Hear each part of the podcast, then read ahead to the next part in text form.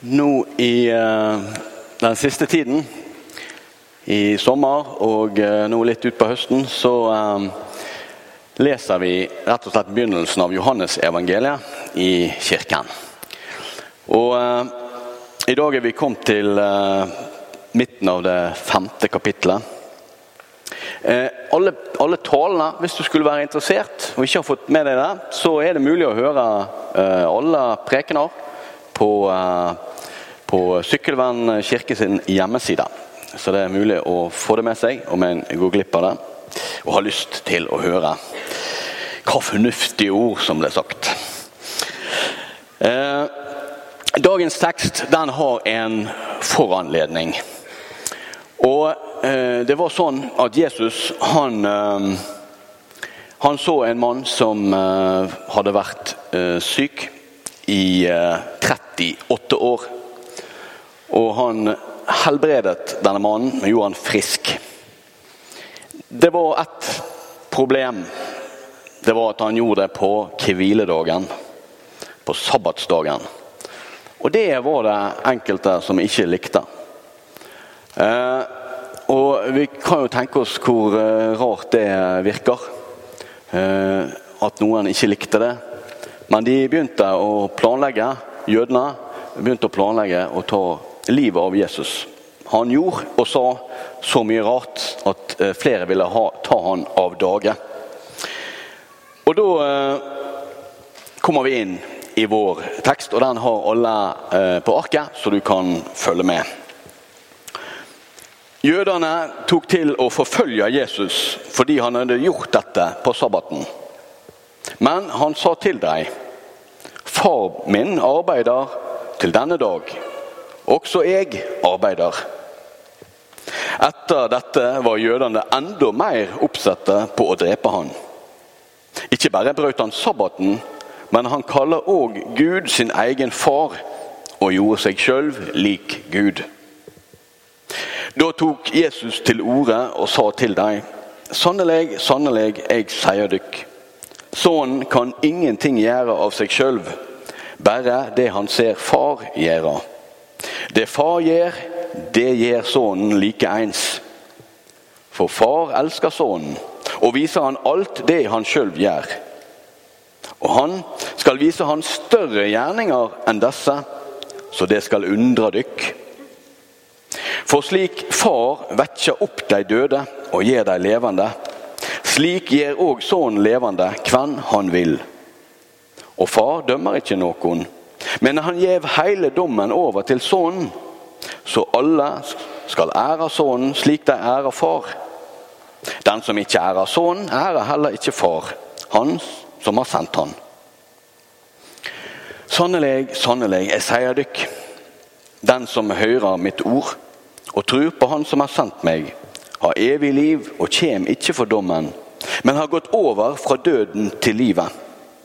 Sannelig, sannelig, jeg sier dykk, det kjem en time, ja, han er alt kommen, da de døde skal høre røysta til Guds sønn, og de som hører, skal leve. For slik Far har liv i seg sjøl, har han òg gjeve Sønnen å ha liv i seg sjøl.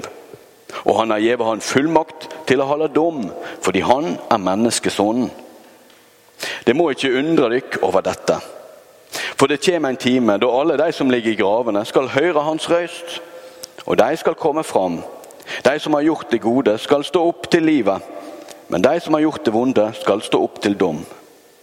Jeg kan ikke gjøre noe av meg sjøl. Jeg dømmer etter det jeg hører, og dommen min er rettferdig. For det er ikke min egen vilje jeg vil fremje, men Hans vilje som sender meg. Slik lyder Herrens ord. Om jødene var sinte for at Jesus helbredet noen på sabbaten, på hviledagen, ja, så var de eitrende sinna på Jesus når han sier at Gud er hans far, og han er hans sønn. Eh, å påstå overfor en jøde at du er Gud, det er blasfemi. Og Jesus han skriver egentlig sin egen dødsdom. Så ille er dette. Men vi kan jo tenke oss Han sier han er lik far. Han har sett han gjør ting, og han gjør akkurat sånn som han. For en jøde så er dette samtidig noe som klinger helt naturlig i hodene, i ryggmargen og i hjertene deres.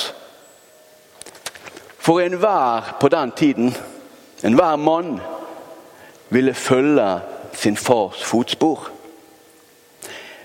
Hvis du var snekker, ja, så lærte du til din sønn snekkeryrket. Alt du kunne, det lærte du videre til din sønn. Og det gjorde alle. Sånn var det.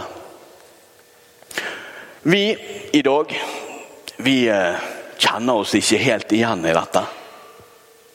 Vi hadde for noen år siden en ganske streng odelslov som sa at det var eldstesønn som skulle arve gårdsbruket. Men nå er det ikke sånn lenger. Men for de fleste av oss så går vi den vei vi vil. Jeg gikk langt vekk fra min far sin yrke. Han er arkitekt. Og jeg kan ikke engang tegne. Men noen ganger så får jeg høre, spesielt når jeg har besøk i Sykkylven av min far, og noen treffer han, så sier de Ja, ser hvem du er far til, ja? Og jeg tenker Nei, søren. Problemet er at han ikke er spesielt pen, min far.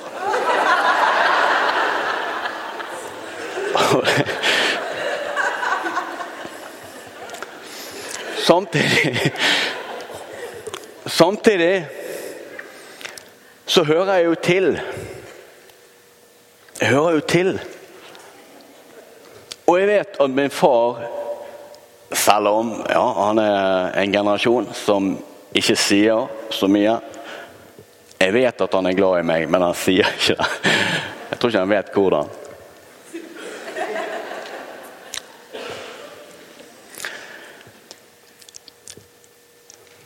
Å ha et så nært forhold til noen at du har fått lære alt av dem. At du alt du kan, alt du er, det kommer fra en annen person. Jeg tror ikke det er noen av oss som kan si det. Derfor så blir det her òg veldig vanskelig for oss å forstå. Men det Jesus sier, det er nettopp det. Han er Guds sønn. Han har sett Gud Fader. Han er lik han. Han er ikke bare hans representant på jorden, han er Gud på jorden. Og dette her, det tålte ikke jødene å høre. Vi har vokst opp med å høre det. For oss er det noe annet. Men så sier han at det er én ting som skiller meg fra Gud Fader. Gud Fader dømmer ikke, men jeg skal dømme, for jeg er menneskesønn.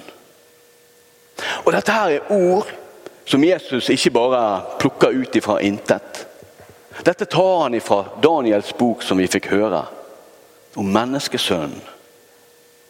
Men det jeg syns er så fantastisk flott med at det er menneskesønnen, Jesus, som skal dømme meg, og ikke Gud, Fader.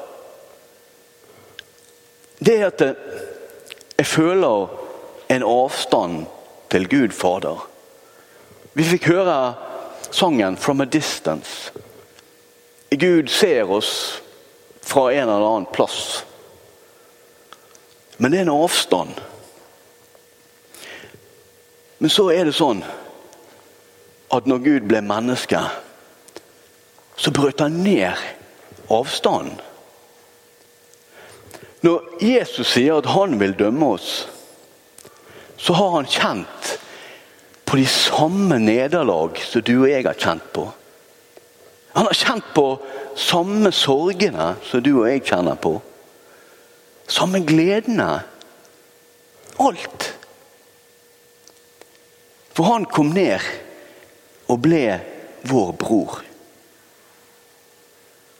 Så er det vår bror som skal dømme oss. Ikke en som er langt borte, og som ikke egentlig kjenner oss. Jesus kom til jorden. Han var Gud lik. Han er Gud lik. Han er Guds sønn. Han er den samme. Men allikevel så er han vår bror. Men hvordan kan jeg snakke om Gud som min far og Jesus som min bror? Hvordan kan jeg være så tjomslig med de og oppleve den nærheten? Jo, det er for det vi, vi så her i dag med Mira. Hun ble et Guds barn i dåpen. Ikke for noen har prestert eller gjort, men båret av kjærlighet. Så ble hun med i en familie. En familie som vi ikke kan se størrelsen av, men som er alle oss døpte. Om vi er, har fått til ting i livet eller ikke. Uansett hvor vi er og hvem vi er, så kan vi si vi har Gud til far og Jesus til bror. Så kan vi kjenne på en nærhet, en kjærlighet og en omsorg. Nearer to God. Nærmere deg, min Gud. Og det er ikke bare jeg som må kjempe og komme nærmere Gud. Nei, han kommer ned til oss. Han møter oss i livets vanskelige tider, i livets gleder. Der er han med sin kjærlighet og nåde, med sin kraft. Så skal han dømme oss. Og han vil dømme oss rettferdig. Og jeg tenker Shit. Skal han være rettferdig? Ja, han skal det. Men det fantastiske er at jeg med mitt liv, som jeg vet om jeg dømmes rettferdig, så går det ned. Ja, det gjør det. Det går ned. Men så kom nettopp Jesus, min bror, med sin kjærlighet og sin nåde. Og så sa han Erlend, ja, du vet det godt, du skal ned. Men jeg skal gå ned for deg. Jeg skal ta straffen for deg. Jeg skal ta døden for deg. Så skal min død bli til liv for deg. Og hvorfor det? Hva har jeg gjort for å fortjene det? Jeg har ikke gjort noe for å fortjene det. Men jeg er et Guds barn. Født på ny i dåpen. Jeg har fått en ny sjanse. Jeg har fått et nytt liv. Og jeg har det evige livets håp. Og jeg er ikke redd dommen. For Jesus, vår bror, han er der. Tar han for oss. Jesus er den eneste. Han er den helligste, den reneste. Han alene kunne ta dommen på seg den som vi skulle hatt. Så vil han bare at vi skal tro han, høre han og se han. Og det betyr å være nær. Søke han, og han vil la seg finne. Vi synger sammen 'Jesus det eneste'.